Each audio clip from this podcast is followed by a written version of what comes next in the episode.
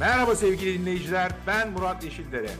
Eyvah CEO Doğruyor kitabının yazarı, toplumsal cinsiyet eşitliği aktivisti ve kadrolu podcasterınız.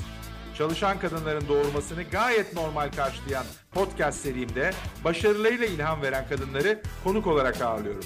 Şimdi sıkı durun.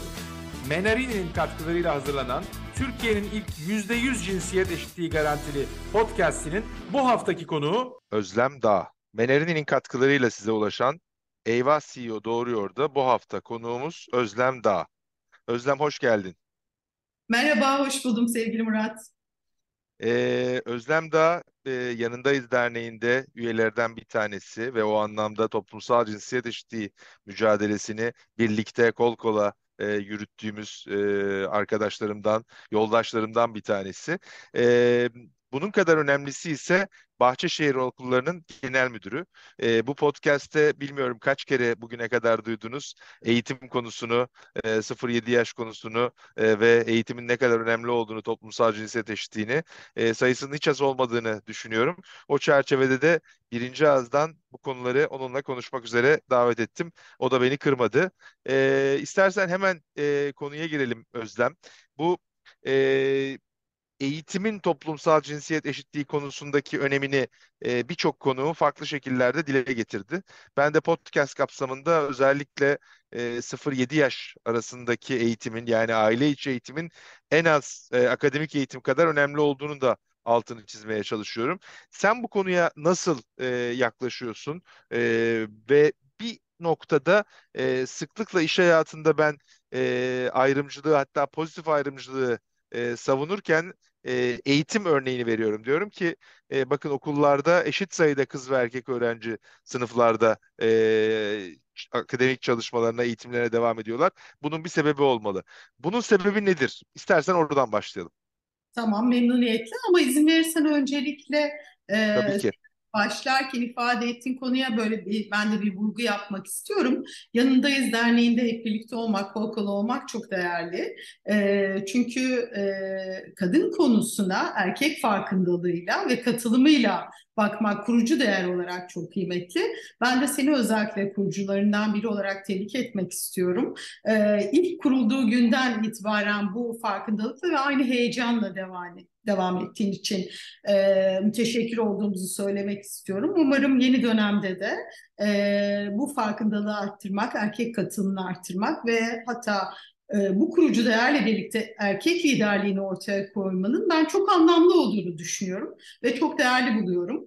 E, içinde olmaktan da gurur duyduğum bu derneğin daha çok güzel çalışmaları hep birlikte hepimiz bugüne kadar değer sunan ve bundan sonra sunacak olan herkesin birlikte büyüteceğine inanıyorum. Öncelikle bunu söylemek isterim. Çok teşekkürler. El birliğiyle senin dediğin gibi.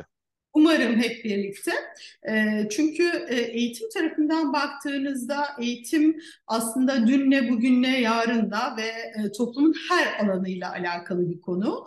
E, o yüzden sivil toplum kuruluşlarının bu süreçte var olması, ailenin, okulun, akademinin bu süreçlerde bu farkındalıkları desteklemesini ben çok çok önemli buluyorum.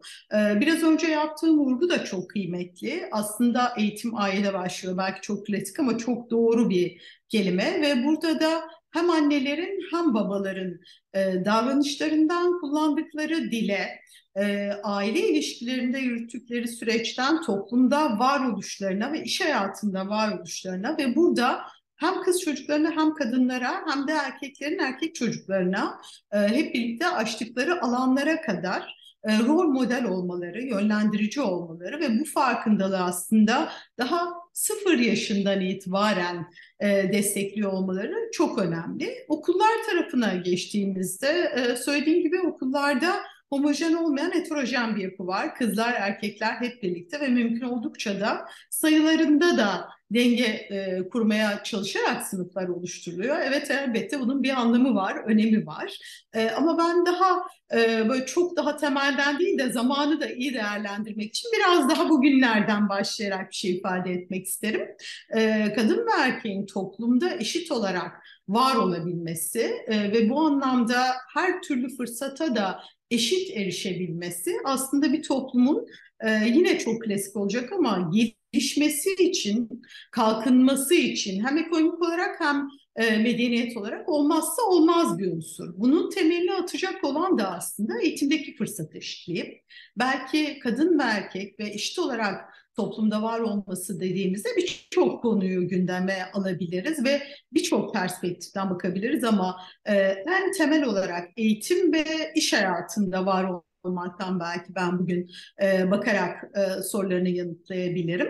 E, çünkü okullardan başlayan süreçte çocuklarımızı, gençlerimizi, kız çocukları ve erkek çocukları eşit fırsatla, eşit akademik altyapıyla e, ve e, ulaşabilecekleri hem ulusal değerler ve evrensel değerlerle donatarak 21. yüzyılın becerileriyle donatarak hayata hazırlamak bizim görevimiz. Bunu yaparken bilinç e, kelimesinin özellikle altını çizmek istiyorum.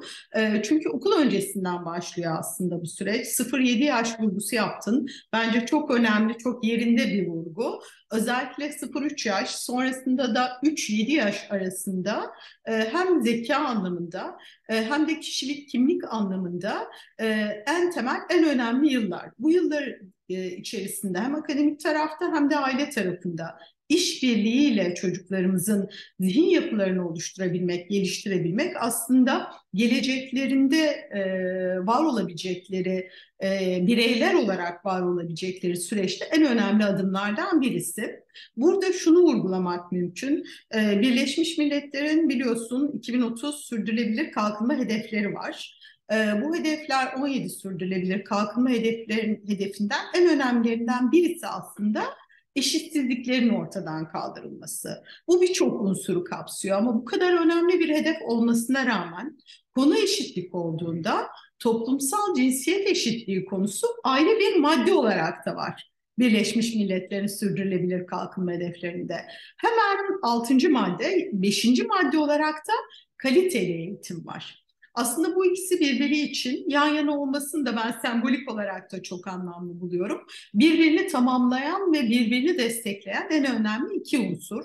Toplumsal cinsiyet eşitliği dendiğinde de e, aslında öğretmenleri güçlendirerek, onların altyapılarını güçlendirerek e, Dünya Vatandaşlığı Programı içerisinde ülkemiz dahil olmak üzere e, birçok ülkede entegre edilen çalışma planları var.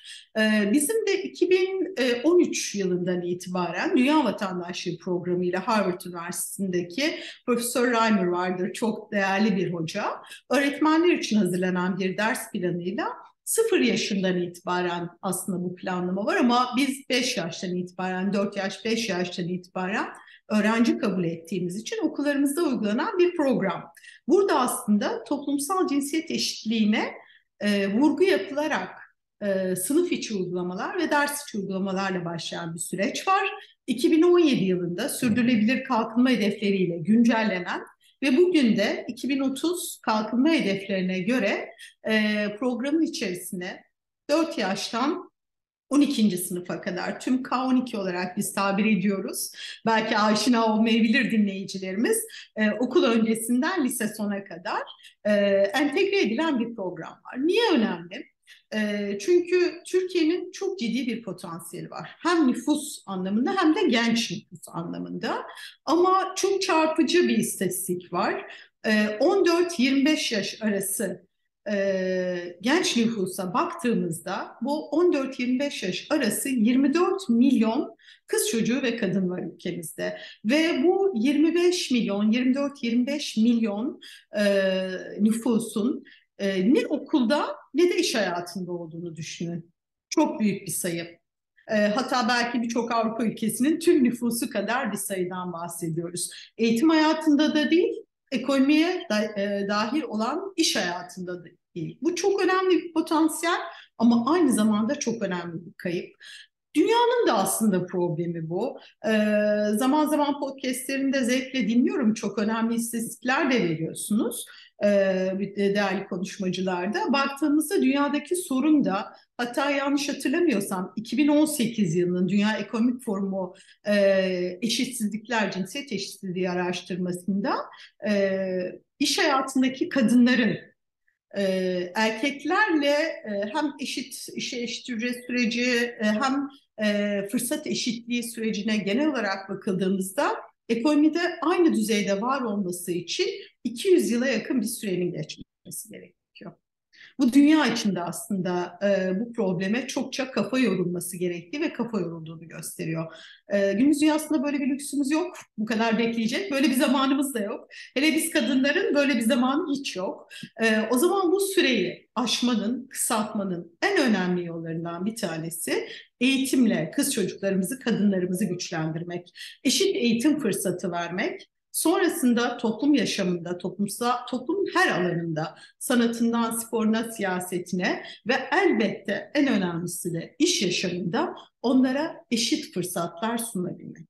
Hatta belki yine senin sözünden, bakışından bir örnek vereceğim ki kesinlikle altına imzamı atıyorum.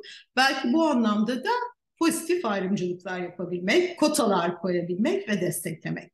Eşit oluncaya kadar desteklemek bu çok çok önemli. Eğitim kurumları da doğası gereği bu süreçleri e, desteklemekle yetinmeyecek, örnek olacak, sürükleyecek ve ileriye taşıyacak kurumlar.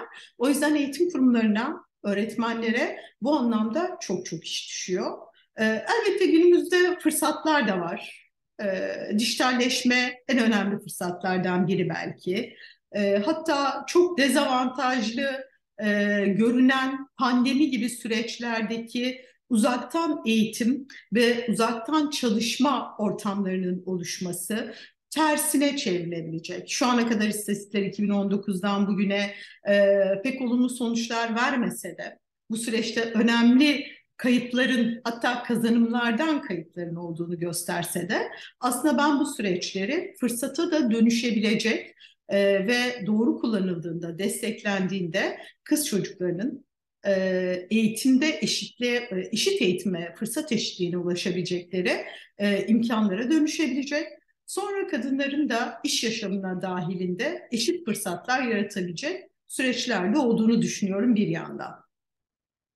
Harika. Vallahi o kadar güzel ve dolu dolu bir cevap oldu ki e, ben de ilgiyle dinledim. Benim için de çok değerli oldu. Özellikle bu e, sürdürülebilirlikle ilgili eğitim müfredatının içine e, sizin entegre ettiğiniz kısmı ben de bilmiyordum e, ve bu anlamda da mutlu oldum. Çünkü e, bizim hem yanındayız e, gündeminde hem de toplumsal cinsiyet eşitliği mücadelesinde e, önemsediğimiz unsurlardan bir tanesi hani eğitim müfredatının içinde bu konuda bir şeylerin olması ve demin konuştuğumuz gibi erken yaşta çocukların e, bu müfredatın e, içeriğini öğrenmeleri ve bu anlamda da hani ondan sonraki dönem için doğru temelleri, doğru tohumları e, erken yaşlarda atabilmek. E, 200 yıl kısmı da tabii e, ironik. E, benim e, sık kullandığım Keynes'in bir lafı var. E, uzun vadede hepimiz öleceğiz demiş e, Keynes. Yani e, long run vesaire diye uzun vade diye bir şey yok aslında. Ya şimdi yapacağız ya şimdi değiştireceğiz e, ya da değişmeyecek bazı şeyler. E, maalesef de bugüne kadar öyle devam ediyor. Bu dijitalleşme konusunu e, sizin Bahçeşehir okullarında önemsediğinizi biliyorum. Dijital eğitim e, boyutunu. Senin ifade ettiğin gibi de e, orada e, Türkiye içinde, toplum içinde büyük bir fırsat var. E, çünkü o bir liberalleşmeyi de beraberinde e, getirecek e, bir fırsat. E, şeyi biraz daha açmanı istiyorum. Henüz istatistiklere, sonuçlara bu tam yansıdığını görmüyorum e, gibi bir şey söyledin eğer yanlış anlamadıysam. E, onu birazcık açar mısın? Hani bunun sebepleri ne olabilir veya orada e, pozitif gelecekle ilgili bir öngörüm var mı? Şöyle aslında pandemi sürecindeki e, eğitimle ilgili raporlara baktığımızda e, bu tabii e, Dünya Ekonomik Forumu'yla e, birlikte de çalışılan raporlar var eğitimcilerin çalıştığı. E, iki yönden bakmak lazım. E, eğitime erişemeyen e, dünyada e, çok e, neredeyse e, tüm ülkelerde gelişmiş ülkeler dahil olmak üzere yüzde 94'ü e, özellikle ilk 6 aylık süreçte eğitime devam eden çocukların K12 seviyesinde yüzde 94'ü eğitimden koptu. Bu çok çok ciddi bir e, oran. E, yani bu farklı oranlarda elbette ama tamamen alamayanlar var. Özellikle az gelişmiş ve gelişmekte olan ülkelerde eğitimden tamamen kopma var. Süreçte öğrenme kayıplarıyla gerileme var ama çok ciddi bir oran. Ama dijitalleşebilen e, politikalarını buna göre hazırlayan e, eğitim politikalarını ülkeler ve özellikle de eğitim kurumları ama bunlar sadece Batı ülkeleri değil orada bile çok büyük kopuşlar oldu. E, bu süreci tersine çevirmeyi başardı. E, ama ciddi bir kayıp oldu. Öğrenme kayıpları ve eğitime erişemeyen e, çocuklar. E, bunu ben diğer yönünden bakmayı tercih ettim biraz önceki cevabımda. Bahçeli Uğur Eğitim Kurumları olarak içinde yer aldığım eğitim kurumunun kurucu ilkesi aslında e, Türkiye'nin her noktasına ki biz kelimenin tam anlamıyla Edirne'den Kars'a kadar okulları olan bir kurumuz erişilebilir, kaliteli eğitim hedefiyle yola çıktık. Yani bu her yönüyle erişilebilir ama temel ilke kaliteli olması.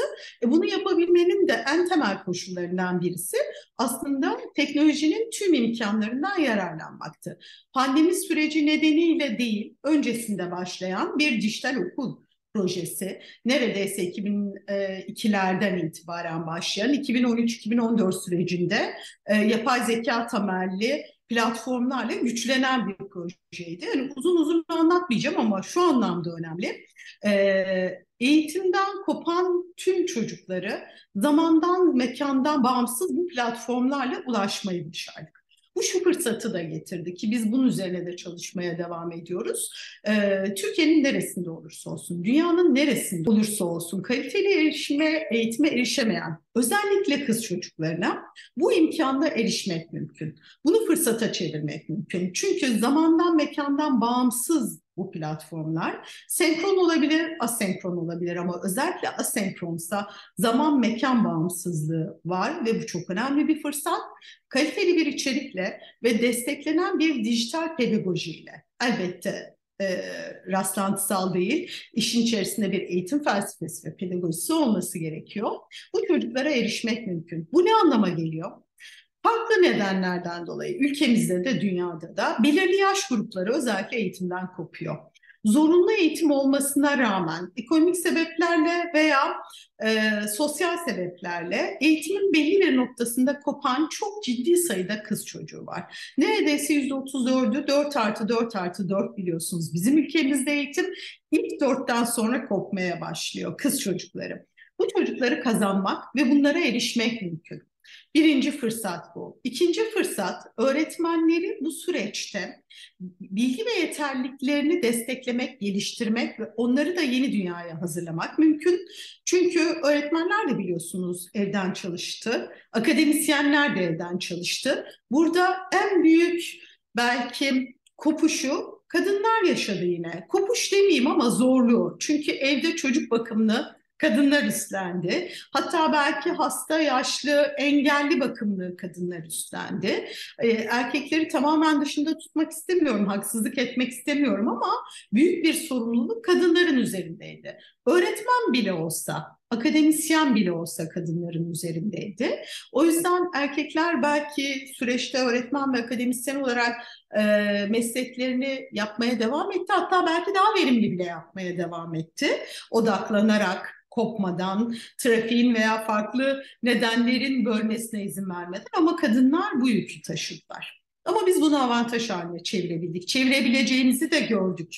Bunu genel olarak eğitim sektöründe de çevirebileceğini gördük. Öğretmenleri e, hibrit olarak çalışabilecek, hibrit öğretmenler olarak destekleyerek dijital yeterliliklerini kaç yaşında olursa olsun, branşı alanı ne olursa olsun destekleyebileceğimizi gördük.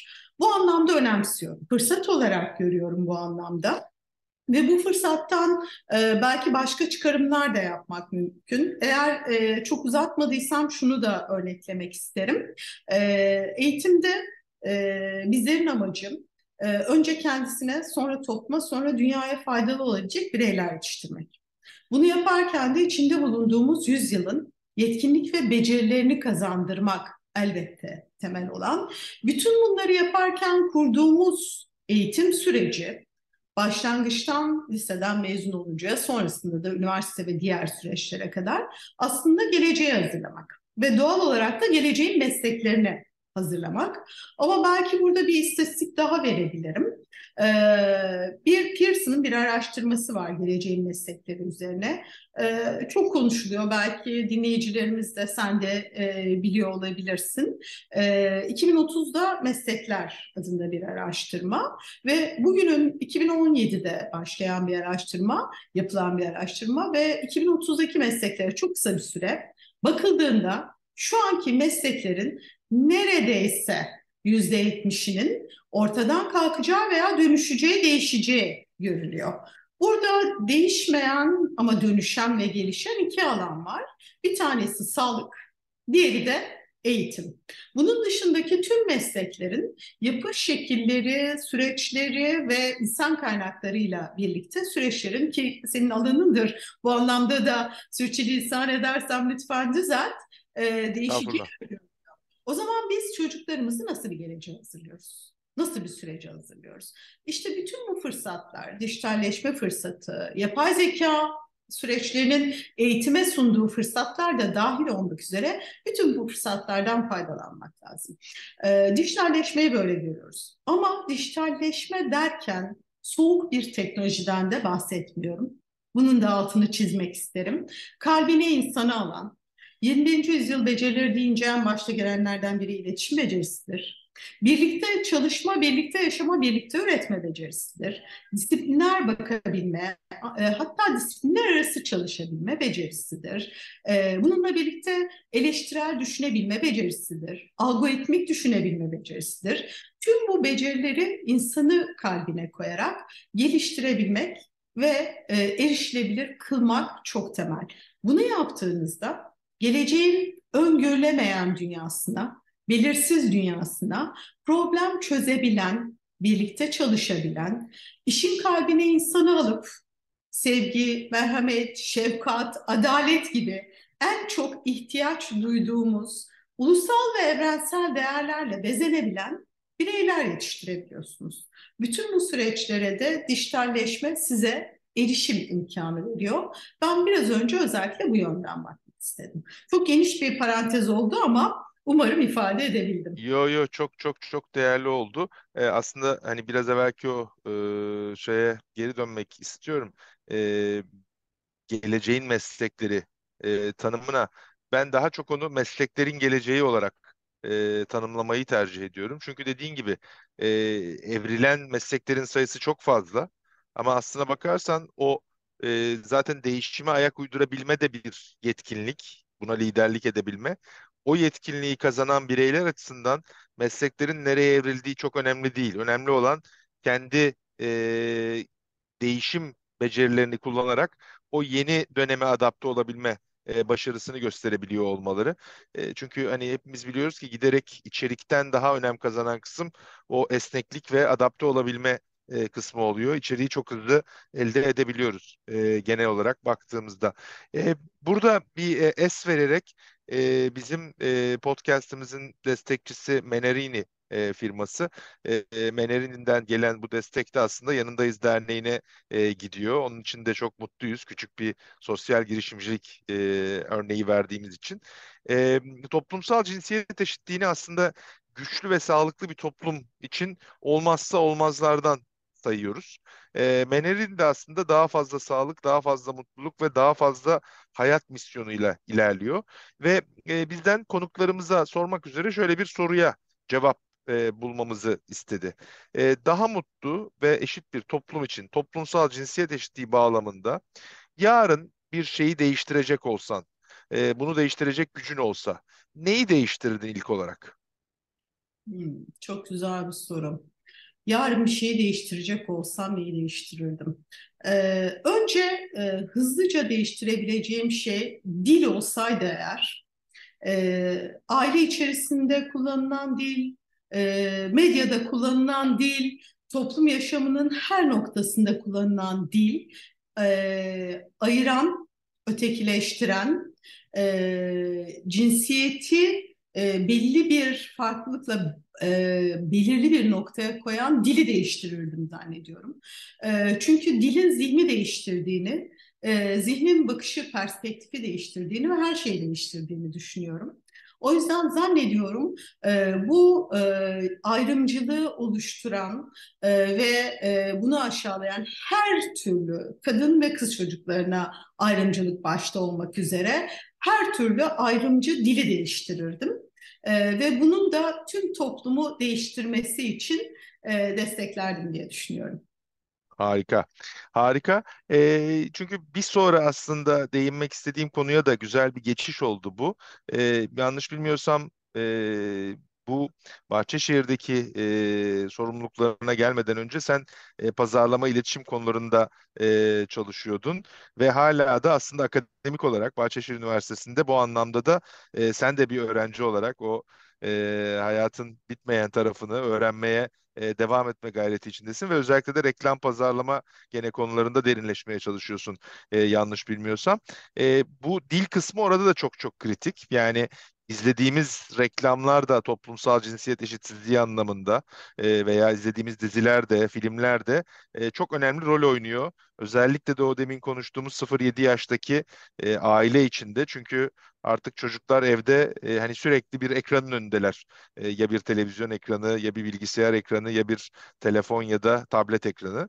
Bu anlamda e, bu reklamlar özelinde konuştuğumuzda ya da diziler, filmler özelinde konuştuğumuzda e, orada düşüncelerin nedir? Toplumsal cinsiyet eşitliğinin hem kolaylaştırılması anlamında ya da tam tersi toplumsal cinsiyet eşitsizliklerin daha da derinleştirilmesi anlamında. Ee, medya genel olarak baktığınızda e, söylediğiniz zihni dönüşümü, değişimi aslında en çok etkileyen alanlardan bir tanesi.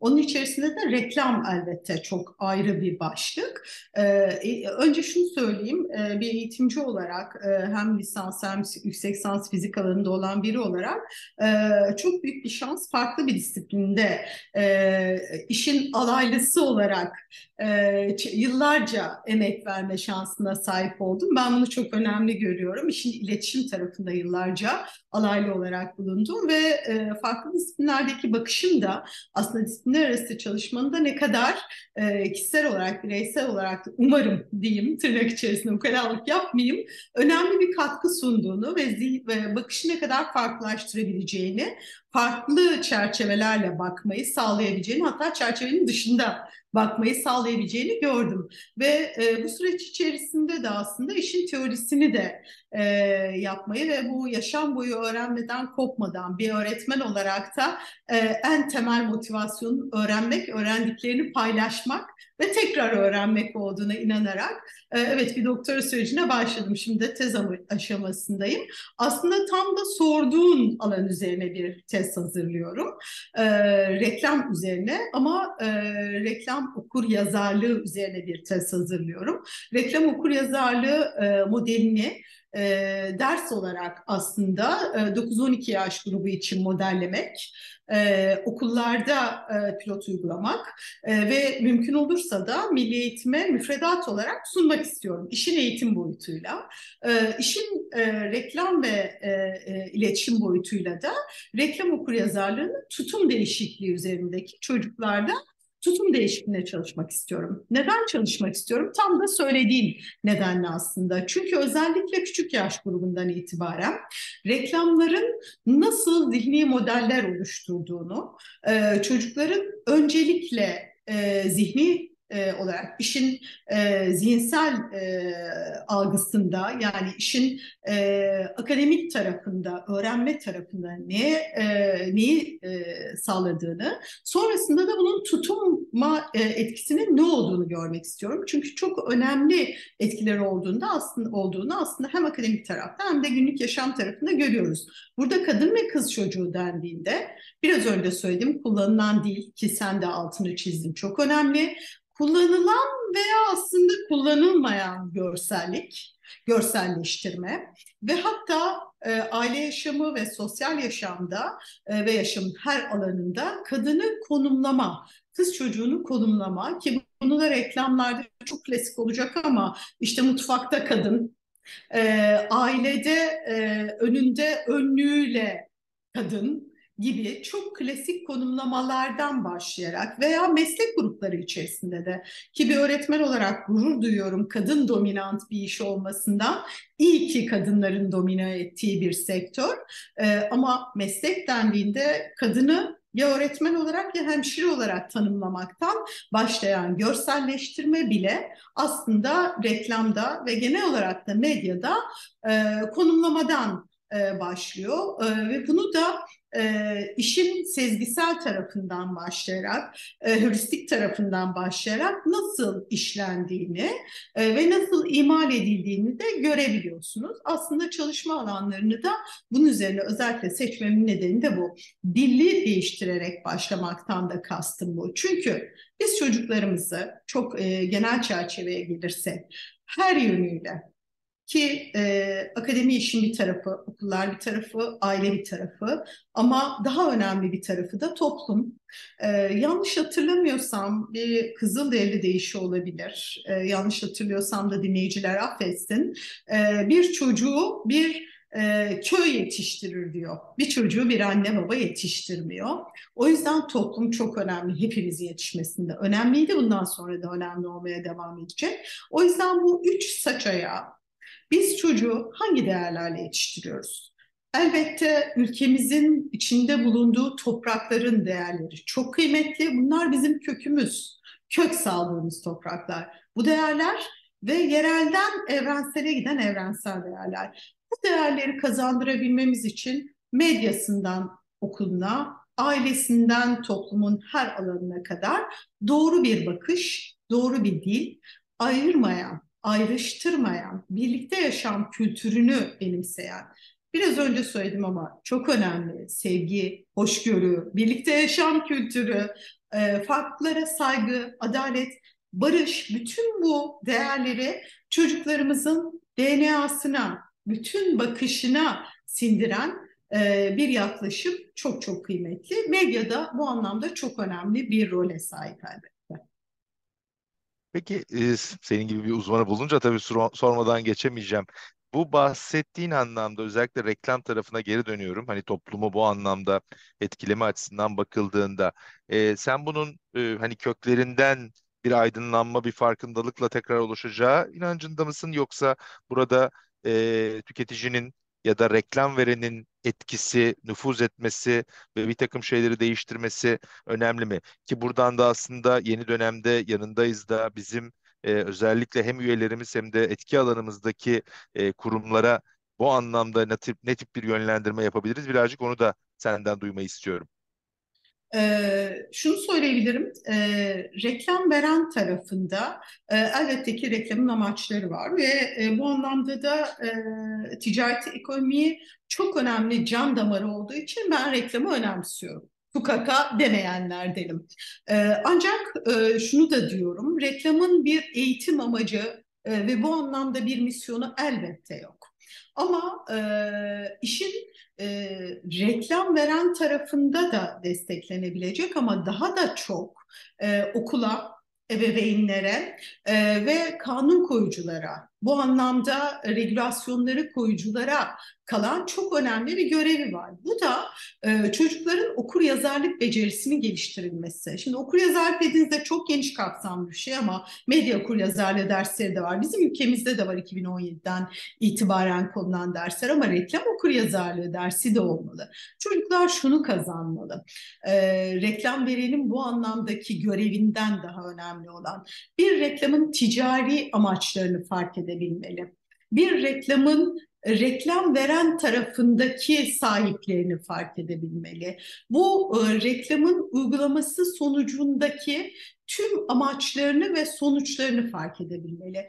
Biz bu farkındalığı, bu okur yazarlığı verebilirsek aslında bu diğer alanlara da çoklanabilir. İşte dijital vatandaşlık Okur yazarlığı da budur. Duygusal okur yazarlık gibi bir okur yazarlık artık var. O da budur. E, bunu biz eğer verebilirsek ki bu anlamda hem okullara e, görev düşüyor hem de e, ara buluculuk görevi olarak ebeveynlere. Sadece sohbet sırasında bir reklamı izlerken ki sohbet bile aslında eğitimin bir parçasıdır. Biz bu okur yazarlığı verebilirsek zaten çocuk bu okur yazarlığa sahip olduğunda seyrettiği reklamı da genellerse medya okuryazarlığına sahip olduğunda okuduğu, seyrettiği, duyduğu her türlü içeriği de eleştirel olarak bakabilirse bunu eleştirel olmayı değerlendirebilme olarak ifade ediyorum. Olumsuz yönlerini görmek değil, genel olarak değerlendirebilme, olumlu, olumsuz, doğru, yanlış tüm süreci ayırt edebilme becerisi olarak kabul ediyorum. Bunu yapabilirse zaten biz amacına ulaşmış olacağız. Ee, reklam e, veren tarafında veya bu e, tüm medyayı reklamla bir farkındalığa e, e, mesajı, farklılık mesajını verme amacı tarafında da o zaman elbette.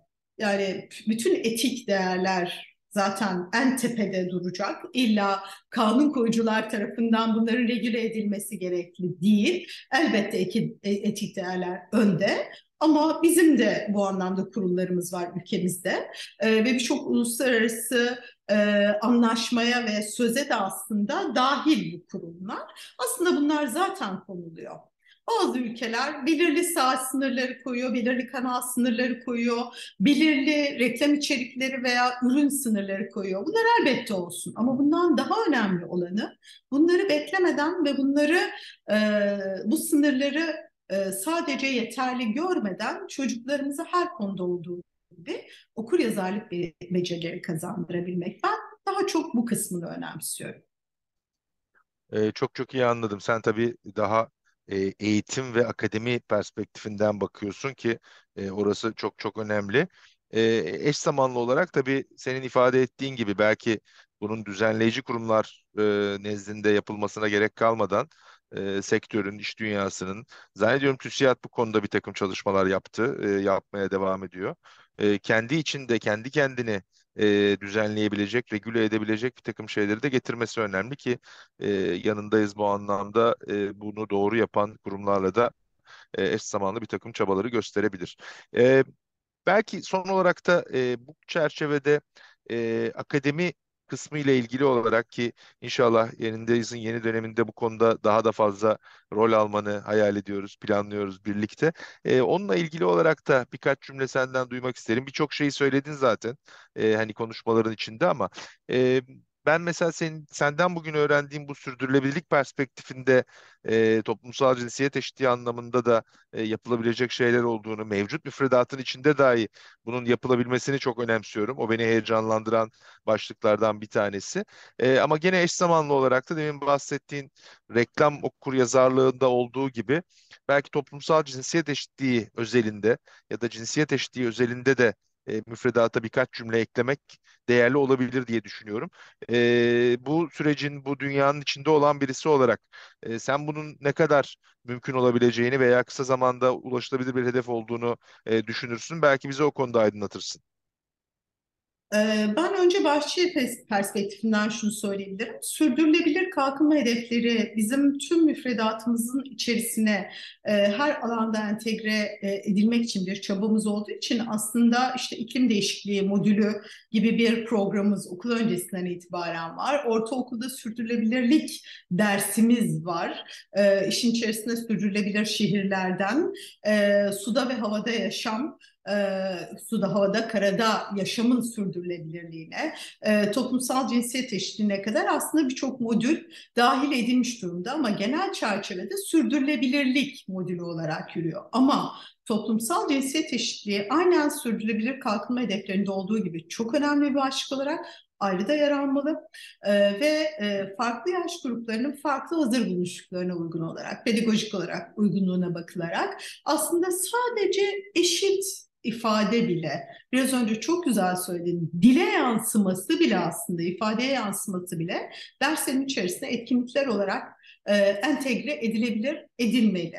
E, bu mümkün mü? Elbette mümkün. Önemli olan e, içinde bulunduğumuz toplumun, ülkenin ihtiyaçları ve değerleriyle entegre edilebilmesi. Önemli olan bu esnekliğin sağlanabilmesi, buna uygun müfredatlar hazırlanabilmesi.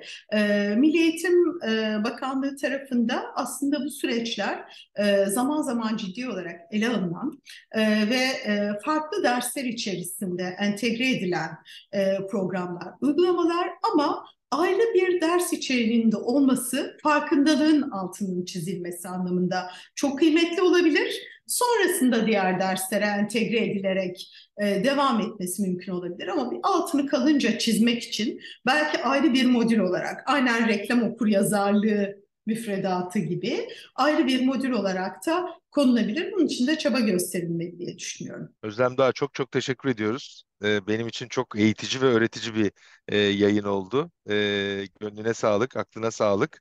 E, inşallah yanındayızın yeni döneminde de bu çabaları birlikte yoldaş olarak sürdürmeye devam edeceğiz. Ben çok teşekkür ediyorum. Hep birlikte olmaktan gurur duydum bugüne kadar. Umarım çok daha güzel çalışmaları yeni dönemde de birlikte yürüteceğiz. Ben teşekkür ederim sevgili Murat. Eyvah CEO Doğruyor'da konuğumuz Özlem Dağ oldu. Önümüzdeki yayında farklı bir kadın liderle tekrar karşınızda olmak dileğiyle.